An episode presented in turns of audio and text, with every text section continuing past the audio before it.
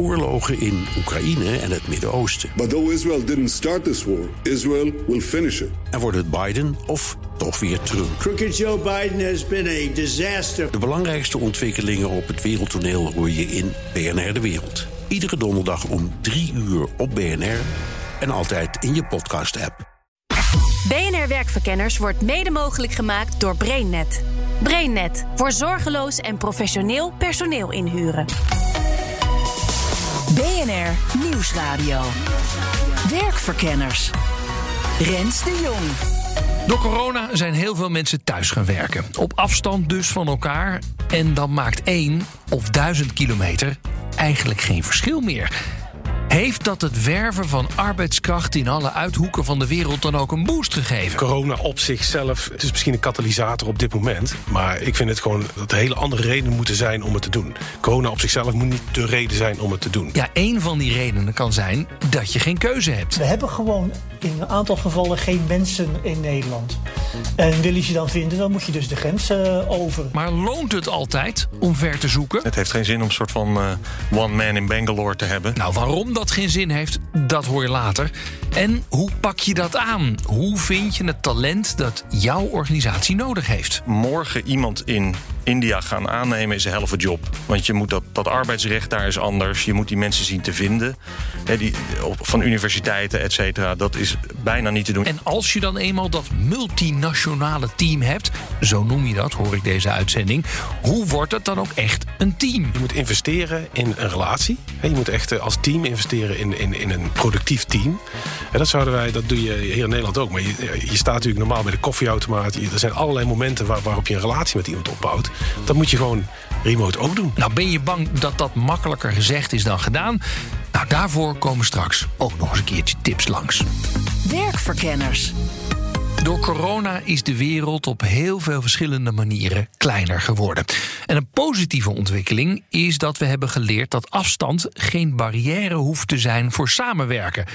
Maar wanneer wordt het nou echt interessant om talent over de grens te zoeken? Ik ben Claudius van der Meulen, eh, managing director van Atollo Software Consultancy. En wij helpen uh, start-ups in de financiële industrie met het uh, ontwikkelen en beheren van hun software. een platform. En dat doen we samen met een strategische partner in India. Ben jij je bedrijf nou echt in coronatijd begonnen of niet? Ja. Wauw. En ik vond het ook wel heel interessant. En in zekere zin heeft het ook wel een voordeel. Want als je. Uh, ik sprak bijvoorbeeld een, een, een, partij in Nederland die nog nooit de software development buiten zijn eigen bedrijf had gedaan. En die vroeg: hoe werkt dat dan als je iemand in India in je team hebt? Ik zeg: dat is heel simpel. Die zitten achter een scherm, net als jouw eigen mensen op dit moment.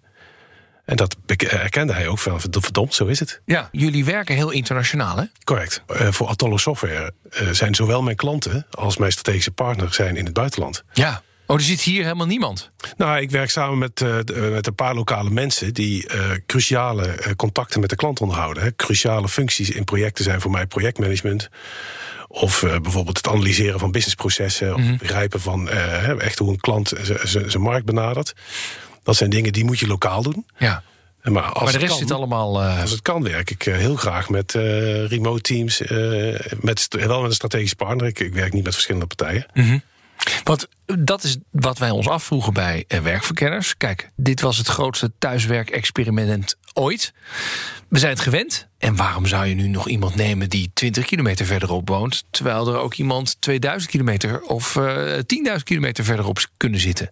We, we, merken natuurlijk dat we heel anders omgaan met, met samenwerken. Dat het, dat het veel gebruikelijker wordt om in teams remote te werken. Hè, te werken waar, waar het jou uitkomt. Ik vind dat er hele andere argumenten zijn om, om, om te, samen te werken met mensen uit andere culturen. Mm -hmm. Het geeft je hele andere perspectieven. Mensen in je team kunnen je perspectief geven waar je niet aan had gedacht. Of een manier van werken die, die, die veel handiger is waar je niet aan had gedacht. Het is heel erg leuk. Uh, wat ik zelf merk is dat uh, mensen die in het in team multinationaal werken, ik vind dat gewoon heel, heel erg leuk. Hè. Het is gewoon fun. En, ja. en dat is ook een, een, motiverende factor. Ja, ik las in een interview dat je vooral bedrijven wil helpen die het lastig vinden of een drempel ervaren om hun software development uit te besteden. Dus jij schreeuwt het uit: uh, ja, dit loont. Zeker. Ja. Zeker. Nou ja, zeker voor uh, middelgrote bedrijven, hè, start-ups en middelgrote bedrijven, kan ik me voorstellen dat het lastig is om zomaar met een willekeurige partij ver weg in zee te gaan. Er zitten hm. natuurlijk allerlei, allerlei risico's aan.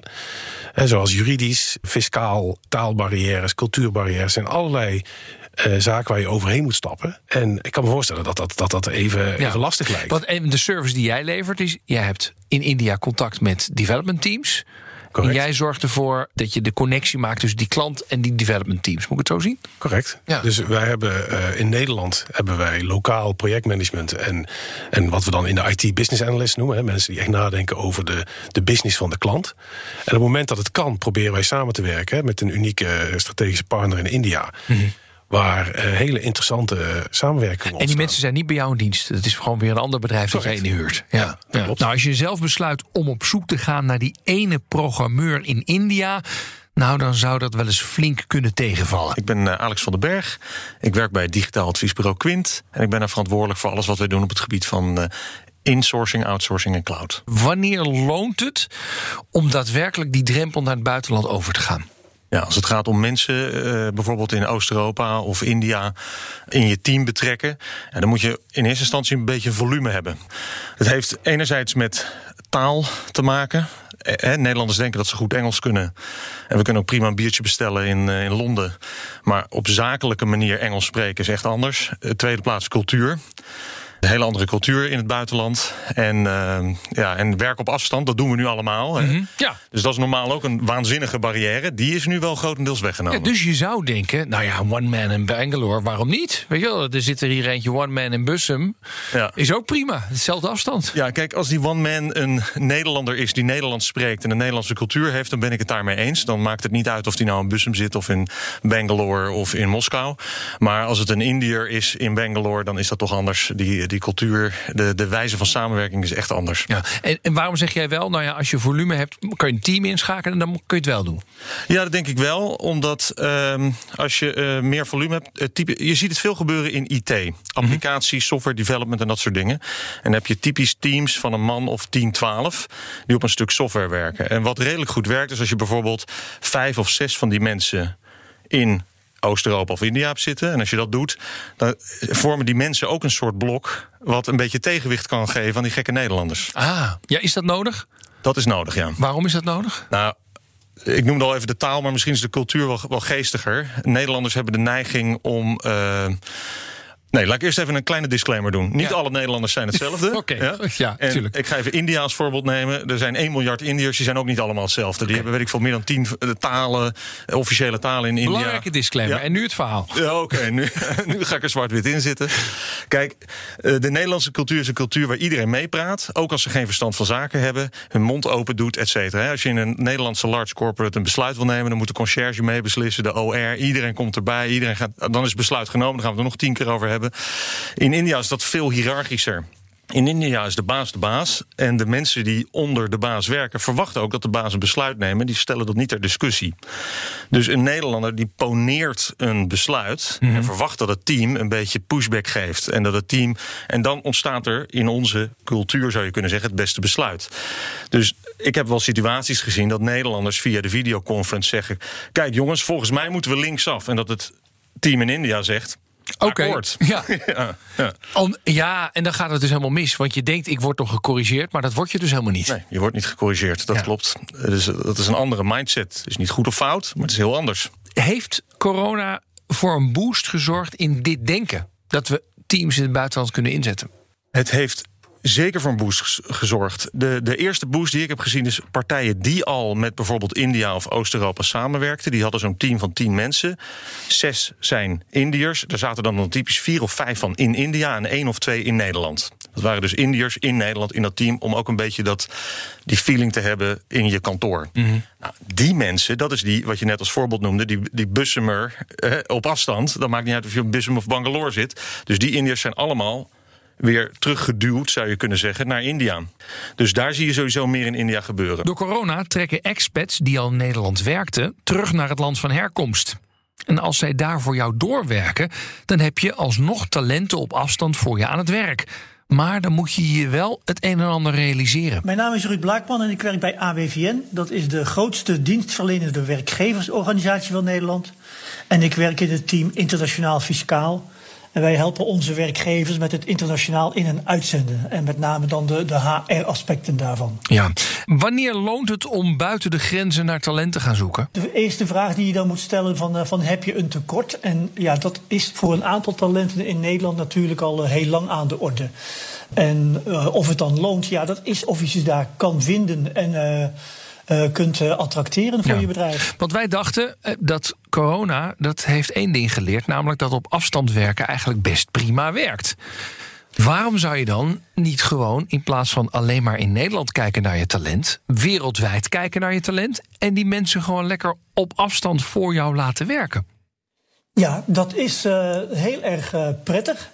Alleen de, je moet er dan wel bij bedenken van de, het is de vraag of dat inderdaad in de praktijk zo makkelijk uh, kan. Voor een werkgever is dat niet zo makkelijk. Waarom niet? Omdat je eigenlijk elk land zijn eigen wetgeving kent.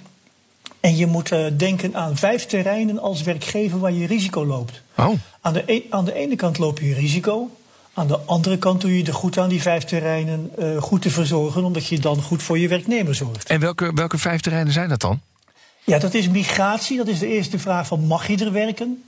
Krijg je de, de nodige verblijfs- en werkstellingsvergunning? Maar goed, eh, als je, als je mensen gaat selecteren daar uh, ter plaatse, hebben we dat probleem niet. Nee, klopt. Als ze de nationaliteit hebben van dat land, dan mogen ze daar uh, wonen en werken. Maar wat hebben we gezien in de corona? Er waren heel veel expats en die gingen terug naar hun eigen land. Of kennismigranten in Nederland, die bleven in Nederland hangen. Of gingen ook naar een, uh, een, land waar ze hun vakantiehuisje hadden. Nou, dan gaan ze uh, A werken in een land waar ze geen vergunning hebben. En B, hun Nederlandse kennismigrantenvergunning komt in het uh, gevaar omdat ze dat moeten melden.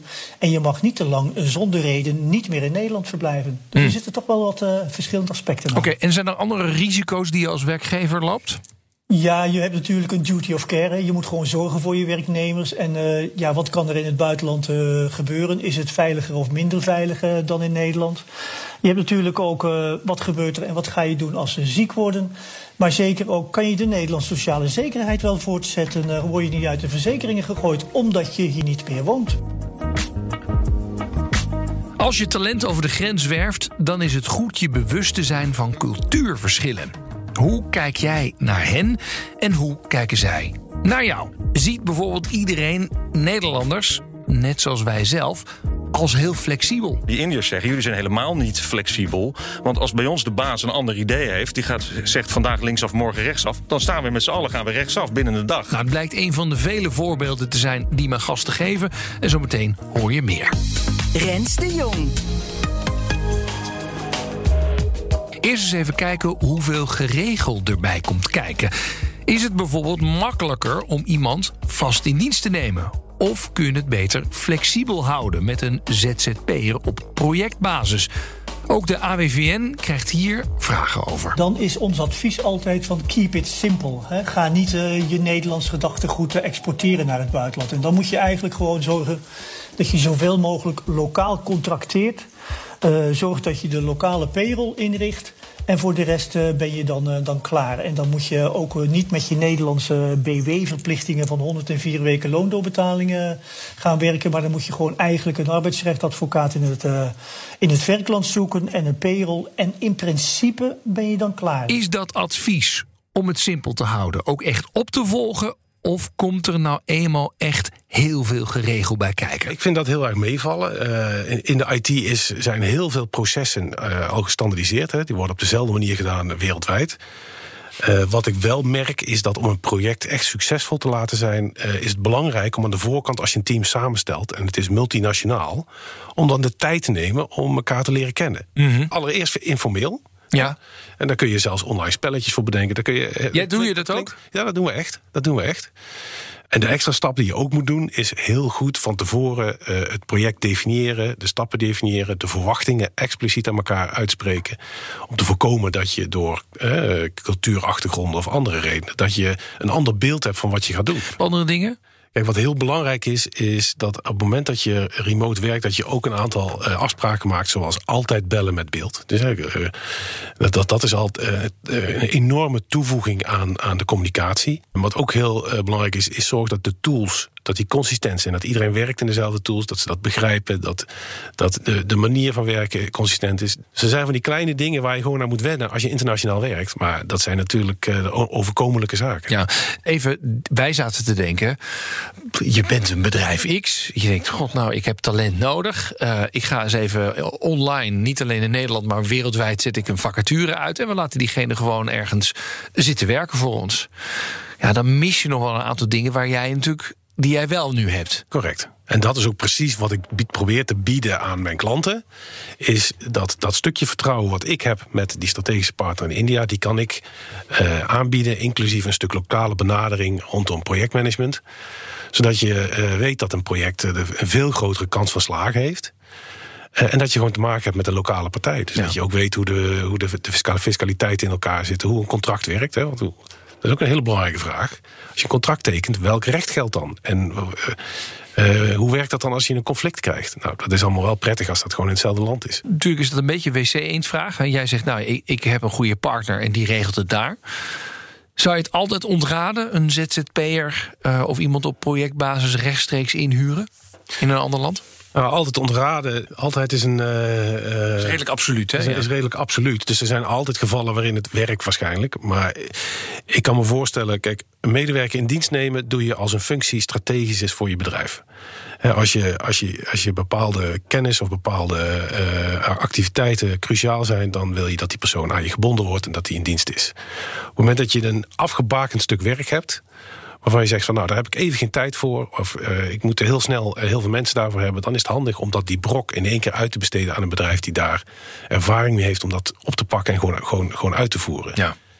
Als je tijdelijk een stuk expertise nodig hebt, heel specialistische expertise, dan zoek je een ZZP'er. Dat is iemand die heeft, dan kies je vaak ook voor een persoon.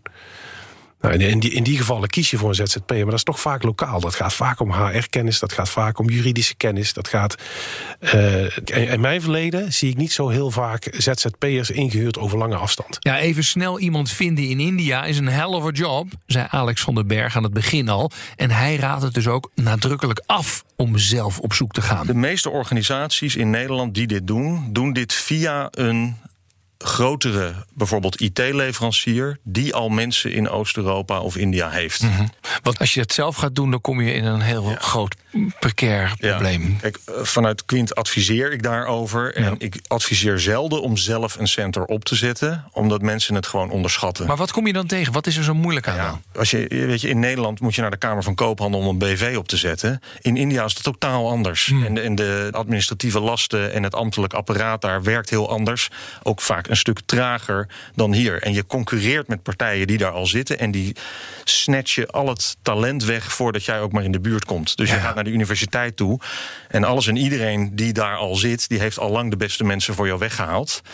Dus wij adviseren organisaties eigenlijk zelden om het zelf te proberen op te zetten. Tenzij ze echt een lange adem hebben en een enorm volume aan werk uh, verwachten. Maar je zou kunnen denken, uh, en misschien is dat niet in de softwareontwikkeling, maar wel bijvoorbeeld uh, dat je mensen nodig hebt om iets op te maken of zo, je ja. branding en dat soort dingen. Ja. Denk, nou ja, ik vind via een platform zoals Upwork of wat dan ook, vind ik iemand die lekker tikken, tikken, tik kan doen. Ja. Ik spreek daar een goede uurprijs mee af. Hasta la pasta. Ik denk dat dat prima kan. Hè?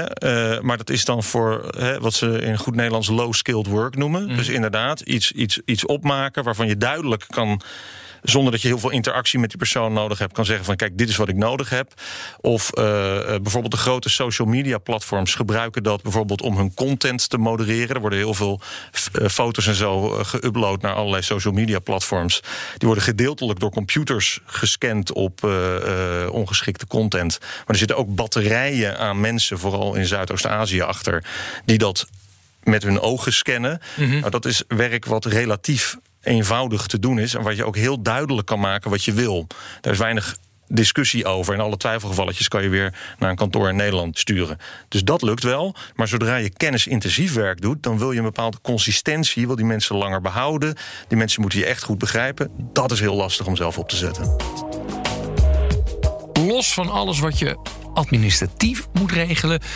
Er werden al een aantal keer toespelingen gemaakt op cultuur als barrière. Dan moet je in investeren om dat te begrijpen en om daar ook, ook juist te appreciëren. Heb je nog voorbeelden dat je later denkt: oh, dat was, dat was heel dommig van mij? Nee, niet eh, Nee? op dit moment. eh. Oké. Nou, ik heb misschien wel, ik heb misschien wel een voorbeeld van een, een, een heel sprekend eh, cultuur, taaltechnisch gegeven wat ik opgedaan heb bij mijn vorige werkgever, een Zuid-Afrikaans bedrijf. Als je werkt in een project met Zuid-Afrikanen, die hebben voor het woord nu, wat wij nu zeggen, gebruiken zij drie termen. Als een Zuid-Afrikaan zegt, ik doe het nou, dan bedoelt hij, ik doe het misschien volgende week. Oh. Als hij zegt, ik doe het nou nou, dan zegt hij, ik doe het, doe het morgen. Maar als hij zegt, ik doe het just now, dan zegt hij, ik ga er nu aan beginnen. Zo, dit moet je ook wel even weten. Precies. nou, dat is een heel simpel voorbeeld. Als je dus samenwerkt met andere culturen, andere eh, op, op afstand, dan zijn dit soort gevoeligheden wel precies waar je, waar je, wat je even moet weten. Zie jij schaamte bij jouw klanten dat ze dingen echt outsourcen aan een, naar een andere kant van de wereld? Nou, schaamte niet. Wat ik wel zie soms is dat eh, bedrijven heel graag willen laten zien dat ze het zelf hebben gemaakt. En Dat eh, naar buiten toe graag willen dat het lijkt alsof eh, eh, ze alles in huis hebben, alle kennis in huis hebben en alles. En dat begrijp ik ook wel. In sommige gevallen wil je gewoon die uitstraling hebben. En die, dat, dat kan ook, daar werkt Vind jij niet erg? Nee, dat vind ik niet erg. Het is een beetje fake it till you make it natuurlijk, hè? Nou, nee, ik zie dat niet zo. Nee? Eh, ik zie gewoon, als geïntegreerd team werk je dan eigenlijk als een klantteam. Dus eigenlijk is het ook gewoon van de klant dan. En ik had nog wat voorbeelden beloofd van cultuurverschillen. Hiërarchie is één ding wat anders is in Nederland. En de snelheid van besluitvorming. In, Nederland hoor je heel veel de term agile en, en zelfsturende teams. En wij vinden onszelf heel eh, flexibel. En dat zijn we op bepaalde gebieden ook. Maar die Indiërs zeggen, jullie zijn helemaal niet flexibel. Want als we in Nederland de baas een ander idee hebben... gaan we er eerst drie kwartier, dat zeg ik drie kwartier, drie maanden over discussiëren.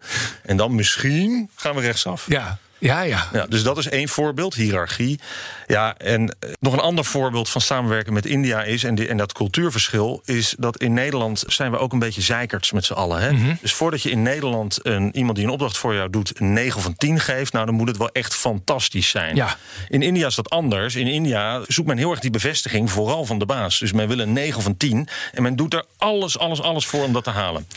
Dus ik was met een Nederlandse delegatie, dat was voor corona, in India. Om, eh, de- die deden daar zaken. En ik zei van jongens, jullie moeten daar een keer heen. En we waren daar en daar vertelde die Nederlandse meneer... zei, nou, ik vind dat jullie goed werk doen.